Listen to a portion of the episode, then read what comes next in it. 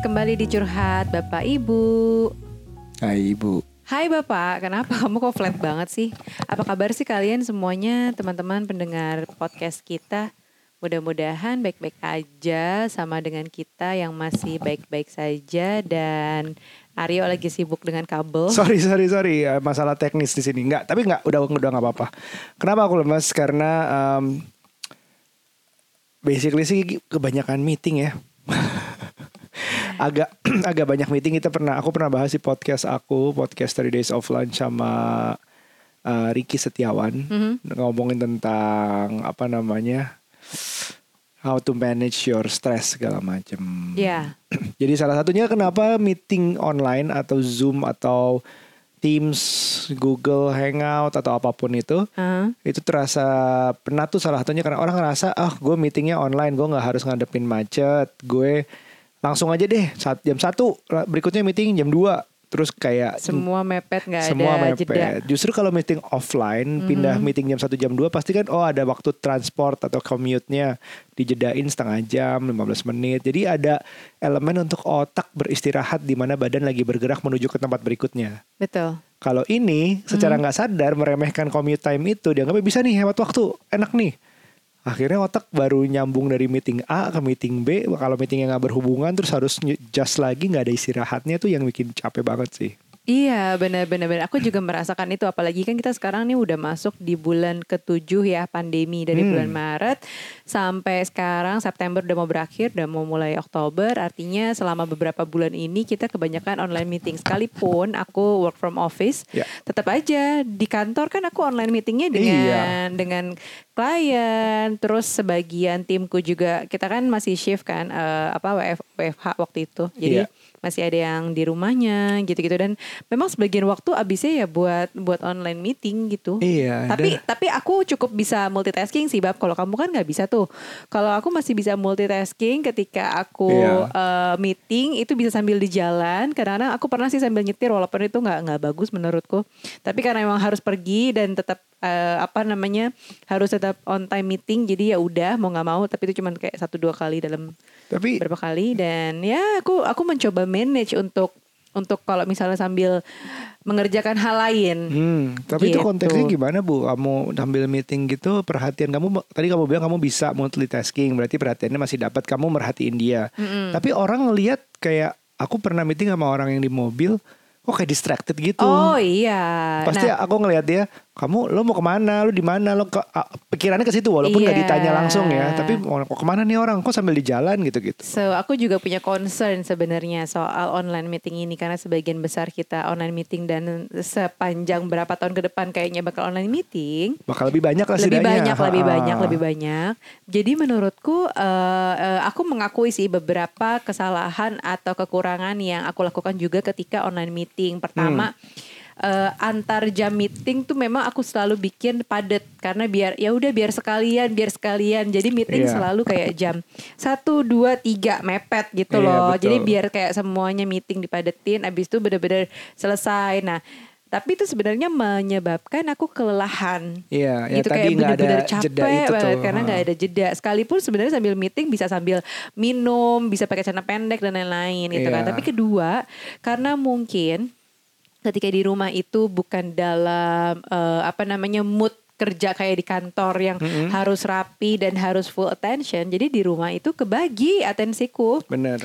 dengan aku ada anak-anak gitu ya aku juga nggak bisa yang menyerahkan sem- dua-duanya anak-anak sama mbak mau nggak mau ada yang ikut kita kalau lagi meeting dan kerja jadi ya aku meeting sambil ngeliatin oh ada anak nih di belakangku atau misalnya dia nanya apa ya aku jawab pas aku lagi meeting atau malah ada jam-jam tertentu yang jamnya anak tidur aku tuh meeting tapi aku dengerin doang. Nah tapi ini balik lagi ke eh, apa namanya peranku di meeting tersebut. Iya. kadang-kadang hanya pendengar. Jadi so aku minta biasanya kalau misalnya kita meeting tim dengan klien aku minta timku yang eh nanti kamu yang lead ya gitu. Jadi bukan aku yang lead. Iya. jadi aku bisa silent. Sehingga memungkinkan aku buat nemenin Aira tidur tanpa suara kan. Jadi Iya. aku nggak banyak ngomong. Terus atau kalau misalnya emang aku lagi bisa nggak ngapa-ngapain ya aku yang lead biasanya sih majority meeting aku yang lead tapi ketika aku lagi nggak bisa untuk lead aku minta tolong orang lain yang lead Jadi kita Gitu. em, hari ini ngobrolin memang sengaja tentang meeting, meeting yang meeting online yang efektif. Efektif tuh seperti apa yang secara lebih maksimal lagi.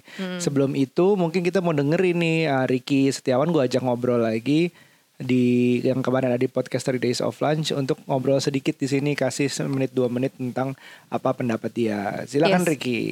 Sering banget gue dapat pertanyaan, sebaiknya kalau kita lagi video conference, kita pasang kamera kita nggak ya? Nah, untuk menjawab pertanyaan itu kita harus lihat reasonnya dulu. Kita melakukan komunikasi dalam situasi sekarang tentunya melalui video conference karena kita mau menyampaikan ide. Kita mau menyampaikan informasi. Atau kita mau mendengar informasi. Tapi yang paling penting adalah sebetulnya kalau dilihat lebih tinggi lagi, kita mau menciptakan engagement atau connection. Nah, kalau bisa memang, baik lagi kalau bisa, kita menyalakan kamera kita. Karena itu adalah pertama sign of respect bahwa saya hadir walaupun tidak bisa langsung di ruangan itu, tapi saya hadir dan Anda bisa melihat kehadiran saya. Karena dalam komunikasi atau interaksi, salah satu faktor paling adalah eye contact. Nah, tentu harus diperhatikan dulu faktor-faktornya. Kalau kita menyalakan kamera kita, itu berarti orang bisa melihat kita bahwa kita menghargai perhatian kita dan dia. Kita bisa melihat dia, dia bisa melihat kita. Tapi tentunya tantangannya kita juga harus fokus. Karena begitu kamera kita nyalain, ya orang bisa melihat kalau kita mungkin lagi sibuk sendiri. Nah, tantangan yang kedua adalah yang harus diperhatikan adalah saat kita menyalakan kamera kita, kita masuk ke dalam quote unquote ke lingkungannya dia dan kita membuka akses untuk orang bisa melihat lingkungan kita. Karena itulah kenapa sebetulnya kalau kita menyalakan kamera kita, kita harus punya persiapan lebih. Kita harus punya uh, persiapan seperti make sure uh, background kita baik, situasi di ruangan kita juga baik, tenang. Uh, tidak ada mungkin anak kecil yang lari-larian atau seperti apa. Jadi make sure bahwa everything is settled. Tapi kalau teman-teman bisa melakukan itu, itu menunjukkan respect, engagement, dan connection yang saya percaya lebih tinggi daripada kita tidak menyalakan kamera. Nah, lalu kita juga harus perhatikan bahwa uh, seharusnya saya percaya bahwa uh, interaksi dalam video ini ataupun melalui uh, video conference ini tidak bisa menggantikan interaksi sesungguhnya. Tapi karena situasi yang cukup challenging dalam pandemi ini, kita harus adaptasi. Dan tentunya dalam proses adaptasi pun value-value utama seperti connection, engagement harus tetap ada. Dan saya percaya yang menyalakan kamera sebetulnya menunjukkan bahwa dia siap untuk terkoneksi lebih baik, dia siap untuk engage, walaupun tentunya ada proses di belakang sana yang harus dilakukan. Seperti yang saya bilang tadi, make sure semua setting ruangannya baik-baik saja.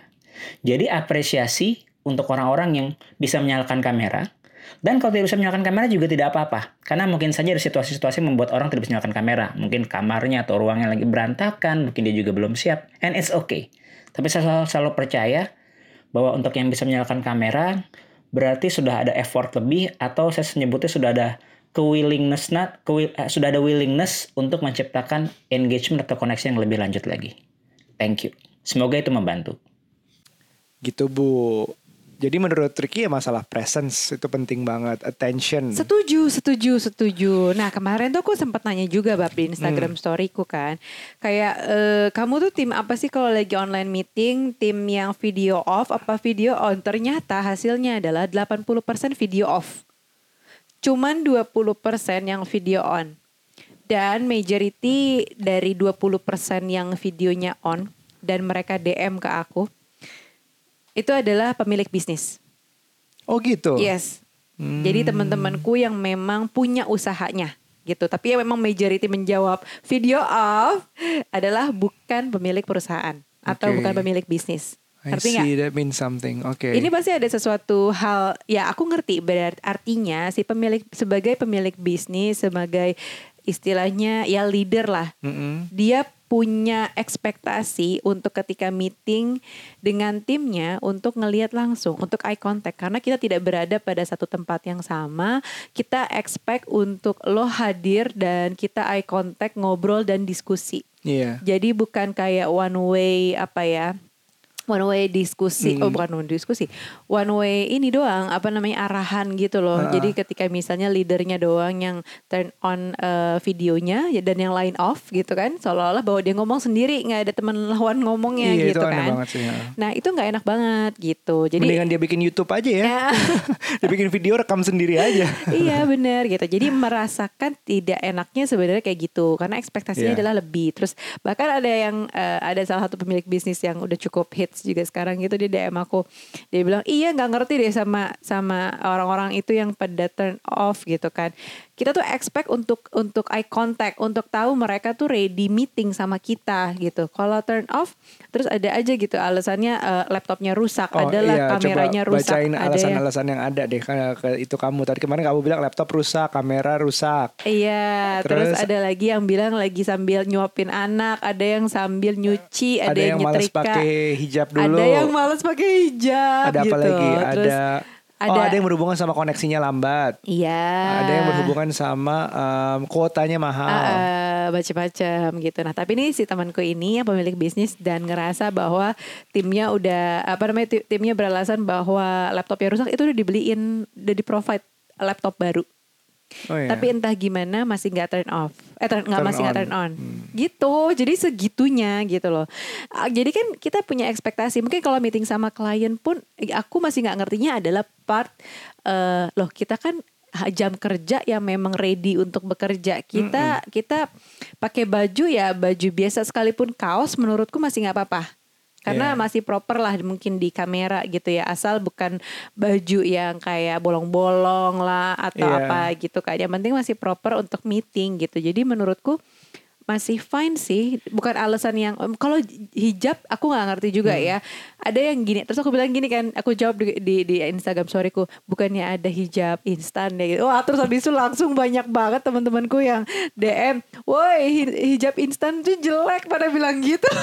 Oh hijab instan tuh Soalnya jelek. karena instan tuh kayak simple banget sehingga membuat uh, looksnya kurang bagus gitu. Jadi, prefer videonya mati aja. Ya, terus mereka pada bilang mendingan mendingan mati deh videonya daripada gue pakai hijab instan pokoknya kayak gitu-gitu lah. Oh, Banyak gitu. banget yang jawab kayak gitu. Oh, oke, sorry gitu kan. Tapi terus aku balik lagi berpikir, loh, bukan ya kalau gitu pakai hijab yang proper gitu Iya. kan sehingga Iya, ya orang tuh karena merasa ini semuanya Ada di rumah. Ada di rumah. Ada di rumah gue berhak pakai celana ya. pendek kalau yang cowok zona nyamannya. Aduh repot banget kalau di rumah ngurus anak segala macam. Maksud gue harus pakai kemeja, maksud gue harus pakai hijab yang yang proper Iya, gitu segala iya. macam. Pasti mikirnya mungkin begitu. Tapi gini kita dari analogi yang gampang dulu deh. Em, kalau kita sama pasangan gimana sih rasanya? Gitu sama pasangan seseorang yang kita anggap butuh perhatiannya butuh dia suka sama kita kita butuh didengerin kita butuh mau sama dia Iya. segala macam kan pasti prioritasnya adalah ketemu langsung iya. ketemu langsung kedua tuh pun kalau nggak ada aku masih pengen lihat wajahnya kalau zaman sekarang Betul. LDR pasti kan video call Iya. Iya gak sih pengen lihat Oh, mukanya oh. lagi ngapain apa segala macam. Itu shows your intention menurutku. Seberapa besar intention dan effort lo buat dia. Iya, Aku betul. zaman-zaman LDR dulu aja kalau kalau dulu dulu masih lama sih nggak ada video call. Agak susah itu internetnya juga segala macam. Tapi dulu tuh sampai beli kartu telepon bu. Kartu yang buat telepon long distance luar negeri ke Mm. Iya. Indonesia uh, yang lebih murah terus berantem diituin lagi. Jadi kayak effortnya itu luar biasa. Harganya juga jadi luar biasa saat itu. Cuman maksudnya dalam dalam dalam online conference meeting ini kesungguhan lo tuh diukur dari situ juga gitu. Dari hal simple seperti berusaha nyalain telepon, eh nyalain layar, nyalain kameranya. Iya. Itu ngaruh sih. Effort tuh dihitung dari situ. Benar, benar, benar. Aku pun juga sangat mengappreciate sampai sekarang yang meeting sama aku ada beberapa yang turn on gitu. Mm-mm. Sekalipun turn off, dia pasti izin dulu atau at least Nah, ngomong. Itu tuh nah. yang paling penting. Sorry ya gue nggak nyalain ini Iya. soalnya misalnya eh, apa namanya paket data gue terbatas nih, gue lagi nggak di rumah. Terus misalnya kedua, sorry ya lagi ada anak-anak nih belakang gue takutnya Dua, distract uh, gitu kan. Apa pun itu ya, misalnya tadi paket data, misalnya ada anak-anak, misalnya koneksinya lagi lambat di rumah, biasanya cepat. Terus misalnya uh, kameranya rusak. Yang ke- paling penting kan di atas itu semua adalah bilang. Benar, benar, benar. Dengan bilang, jadinya kita tahu harus expect seperti apa. Si Benar. lawan bicara nih merasa dihargai, merasa di apa ya? eh, ada ada excuse-nya gitu. Jadi lebih menghargai lah ya. Iya. Awalnya bagi aku selalu mendingan dinyalain. Terus kedua kalau mau matiin langsung bilang. Aku juga suka kok kadang-kadang kayak gitu. Terutama peran kita juga pengaruh di situ. Peran kita sebagai apalagi kita kalau pembicara udah pasti nggak mungkin matiin. Terus kalau kita yang bisa harus hadir di meeting yang aktif juga sebisa mungkin nyalain. Kecuali mungkin kita partisipan ya. Iya. Dari suatu webinar yang kita nggak mau ngomong Iya. sama sekali, kita sebagai kita hadir di situ sebagai purely pendengar gitu. Iya, Itu kalau baru tuh. seba- nah itu juga banyak tuh dialami lewa, eh, sama teman-temanku yang memang dia bilang gue ngapain turn on video kan gue cuma jadi pendengar doang di dalam meeting gue tuh biasanya kalau weekly meeting katanya bisa sampai puluhan orang. Jadi aku nggak ngerti mungkin karena perusahaannya Iya. kan besar Hmm. banget, terus mungkin timnya juga gede banget, mungkin di cabang Jakarta, Bekasi, Bogor apa gimana kali ya. Hmm. Jadi eh, banyak banget sehingga menurut dia nggak signifikan juga kalau gue turn on gitu ngapain. Jadi ya gue turn off. Nah itu kalau kayak gitu aku cukup mengerti sih. Iya. Ketika banyak tapi itu sebenarnya bisa dikondisikan kalau eh, eh kalau meeting misalnya weekly meeting harus turn on video semua ya. Nah itu sebenarnya nggak apa-apa juga kan? nggak apa-apa juga nggak apa-apa juga. Uh, um, bahkan juga ada yang jawab ke kamu karena menggunakan uh, bandwidth perusahaannya. Jadi menghematnya dengan video matiin dari perusahaannya udah di Iya, peraturan seperti itu Benar-benar. gitu. Justru ada kebijakan dari perusahaannya yang bilang turn off video untuk Iya. menghemat bandwidth. jadi two things yang menurutku adalah pertama it shows effort and respect. Kedua adalah um, it shows apa namanya sopan santun atau manners Manners. masalah lo bilang apa Iya. enggak gitu dan peraturannya seperti apa itu dua hal itu aja yang penting sebelum kita matiin atau nyalain video sih Atau at least ya menurutku adalah gini bab ketika misalnya eh, misalnya kita semua turn off tapi Hmm. kalau misalnya ada satu yang turn on ya kita juga ikutan turn on lah videonya atau Hmm. at least ketika partnya kita ngomong gitu ya kita diminta pendapat atau misalnya apa Oh iya. ya udah kita turn on video dengan kita ngomong itu kan ya kayak zoom aja ketika Betul. udah jadi ada yang turn on video pasti spotlightnya ke dia gitu kan yang ngomong. Nah menurutku sangat penting juga sih kayak gitu. Dan bahkan ada perusahaan-perusahaan yang sebenarnya kayak harus check in check out gitu loh bab. Jadi jam per jam berapa mereka harus eh, absen absennya bahkan Iya, ada yang send lock gitu kan send location. Bahwa tuh bener-bener di rumah. Iya ada Oh. ada ada di satu BUMN temenku yang kayak gitu. Jadi dia per jam berapa ada absennya. Jadi Iya, betul. harus masih di daerah Jakarta. Jadi nggak boleh kayak misalnya di misalnya tiba-tiba yang ada di Jakarta eh ada di Bandung. Tuh ketahuan tuh bab. Nggak Iya. boleh.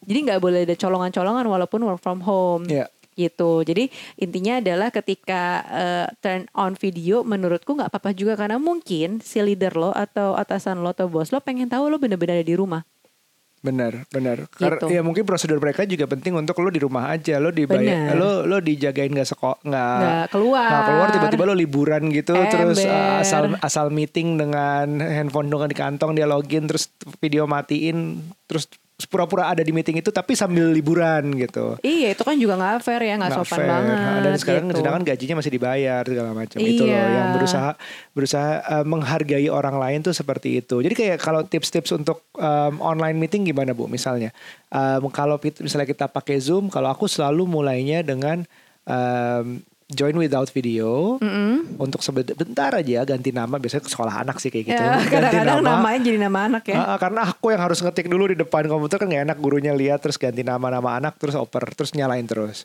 Oh. Terus kalau di Zoom juga aku em, bahkan kameranya kalau bisa sedekat mungkin dengan layarnya orang ada di mana. oh Di- jadi gini, di layar tuh ada gambarnya dia, kamera kita di mana? Misalnya ada yang di atas eh, layar, ada yang di Ah. bawah layar. Itu deketin. Jadi seolah-olah kita ngeliat matanya dia. oh iya benar sih Kalau lagi ngomong bukan ke mana-mana, karena eye contact juga matters. Itu yang kita sekarang kehilangan sih. Bener, kebayang gak sih kalau misalnya kita udah work from home, jarang ketemu sama si orang lawan bicara kita, terus videonya tuh off. Iya. Gila, secara relationship aja udah kayak nggak enak. Ah. Terus kayak udah menurutku ya akan ada jarak rasanya, akan nggak ada kedekatan lagi dan kayak kita mau komunikasi tuh udah nggak nyaman menurutku. Betul. Karena gue nggak sedekat itu lagi sama lo menurutku ya Iya. gitu Betul. rasanya pasti udah beda tapi ketika kita ada eye contact ngobrol karena online meeting itu justru mendekatkan kita yang jauh gitu loh Iya. yang secara fisik saat ini kan Betul. kita jauh Dan perasaan dekat itu nggak keluar nggak terasa cuma dari mata dan mukanya doang. Bahkan surroundingsnya itu bisa jadi breaking the ice gitu. Wah seru banget rumah lo apa eh lagi ngapain gitu segala macam. Jadi itu untuk awal. Cuman distraction memang jangan banyak-banyak. Kayak di belakang tuh dikasih semua macam poster atau buku apa buat pameran sehingga lo out of out of focus gitu. Atau mungkin ada juga yang ngerasa, aduh gue harus turn off video nih karena background gue berantakan banget. Tapi percaya deh, ketika lo pindah tempat kerja dengan yang lebih polos backgroundnya Iya. ketika lo kerja, ini tuh kita bakal agak lama menurut gue untuk kita online meeting dan lain-lain. Ini tuh jadi investasi kok. Jadi kalau lo pindah sedikit aja meja Iya. lo ke background yang lebih polos, Iya. itu akan bermanfaat banget. Bener, bukan gedein ruangan, bukan beli meja baru, bukan beli Iya. webcam baru. Cari background yang lebih ke arah polos. Dan, Iya, atau dan- virtual background bisa atau kan, virtual background bisa. Cuman kan Iya. lebih lebih oh itu rumah lo gitu ya nyamannya gitu lo lo seger ya di rumah ya gitu bisa jadi banyak bahan itulah. Dan Iya. rumah tuh pasti punya jendela kan. Tinggal diatur jangan ngadep eh, belakangin jendela aja biar back, nggak Backla- backlight uh, uh, gitu. Nah, aku sendiri juga sebenarnya gini bab dari awal itu kenapa aku kekeh ya udah pokoknya punya satu ruangan yang terpisah dari kamu yang akhirnya kamar anak-anakku jadikan Uh. ruang kerja. Karena keyboardku Dan- berisik. Karena iya, karena pertama kita punya apa tuh namanya vibe yang beda. Kalau kerja kamu berisik banget asli. Terus aku nggak bisa kayak gitu. Jadi aku harus menyendiri dengan background yang polos Iya, gitu. iya, Jadi memang sengaja pas aku pindah kamar anak-anak pun aku pilih yang wallpapernya bagian polos. Jadi kalau aku tahu kalau misalnya ada kebutuhan kita online meeting dan harus nyalain video, ya itu backgroundnya polos. Jadi orang tuh nggak distract. Iya iya iya. Sesimpel itu gitu loh. Jadi menurutku masalah kayak penataan, ya itu ini ini masalah kayak di clutter ruangan sih. Iya, ya nggak harus spend banyak duit juga. Iya, kan, bener, tinggal ah, ah. beres-beres dan bolak-balik meja gonta-ganti gitu doang kan. Mm-mm, bener kita nggak ada yang berubah apa yang lebih baru gitu kok buat kayak ruangan kerja sama nggak. sekali nggak malah tadinya aku pinjam meja kerjanya teman kan mejanya Iya. Tia aku pinjam sekarang udah aku balikin karena punya lungsuran meja dari Aryo jadi ya udah nggak ada yang baru tuh buat Betul. kerja gitu so eh, mungkin teman-teman bisa lebih lebih aware aja bahwa kadang-kadang setiap orang atau mungkin atasan bos leader tuh punya ekspektasi yang pengen eye contact sama lo ketika diskusi, pengen ya tadi yang ice breaking atau apa gitu dan lain-lain. Ya, ya. Kita harus bersyukur loh. Maksudnya di saat kayak gini eh, cobaan kan banyak banget. Eh, untuk untuk masih bisa mempertahankan pekerjaan untuk kebanyakan orang tuh udah suatu suatu berkah gitu. Tapi kalau kita dikasih kerja di rumah tuh bukan menurutku bukan waktunya untuk justru senang-senang. Banyak orang yang bahkan eh, gaji dipotong kerja di rumah mak- makin sibuk bisa jadi. Tapi tetap aja sih harus bersyukur sih. Makin ketidakpastian tuh bisa bikin kita galau, stres dan em, bersyukur itu adalah energi sih. Aku selalu ingat itu dari Mas Ivan. Yes, gitu. betul. Jadi em, coba consider untuk kayak kalau denger ini pikirin lagi mungkin consider untuk video on. Tapi kalau setidaknya ada ada alasan-alasan yang memang bukan alasan ya, emang keadaan yang tidak mendukung, setidaknya kulonuan untuk izin. Kalau izin mau di ngomongin langsung mengganggu orang yang ngomong ya tak- setidaknya taruh di chat ya. Biasanya kan online conference ada ada chat roomnya yang bisa ditulis. Maaf ya saya nggak bisa nyalain video hari ini. Em, ini karena koneksinya lambat banget atau apa gitu. Itu sih paling dari dari aku. Iya, betul betul betul dan dan dan karena kita akan kelihatannya masih lama di rumah aja atau work from office atau work from home gitu kan. Sekalipun from, from office juga aku yakin pasti lebih banyak meeting online ya kok sama Iya. sama klien dan lain-lain gitu kan sampai beberapa saat ke depan. Jadi ya udah mencoba mindful ketika meeting itu agak susah juga ternyata sekarang karena distractionnya banyak. Kita juga sambil pegang handphone dan jadinya meeting itu suka nggak fokus. Ya. Terus kedua eh, lebih mindful juga untuk bisa memahami bahwa esensi dari online meeting itu adalah diskusi eh, apa ya secara intens gitu. Jadi bukan satu arah. Betul, betul. Oke, em, itu aja Bu. Yes, itu aja. Eh, by the way sekarang gua menuju sedikit pengumuman kerja lumayan intens berdua. Eh, jadi kita nggak perlu online meeting kalau lagi berdua. Cuman em, kita masih mencari mau diumumkan nggak? Oke, boleh deh. Kita masih mengumumkan, eh kita masih mengumumkan, kita masih mencari tim konten untuk kita ada satu bayi bra- baru, bayi project baru, eh, yaitu po- tim konten kita membutuhkan tim konten yang memang sports antusias, wellness antusias dan yang pasti kerjanya full time, eh, ngerti Canva, ngerti sosial media. Sosial medianya juga bukan cuma Instagram, tapi YouTube, podcast dan TikTok. Sebanyak mungkin lah ya. Yes, gitu. Dan terus kamu em, ke mana harus Oh, dikirimkan email? email ke aku di liveitliveit at gmail.com Nanti Aryo akan tuliskan di kolom description. Dan juga atau nanti aja yang satu lagi. Oke, oke. Em, itu aja sekian dari Curhat Babu. Ya. Sam- jangan lupa follow Curhat Bapak Ibu di Instagram Yes, dan Shegaria eh dan. Ucabari. Ya. Sampai ketemu di episode berikutnya. Bye. Bye.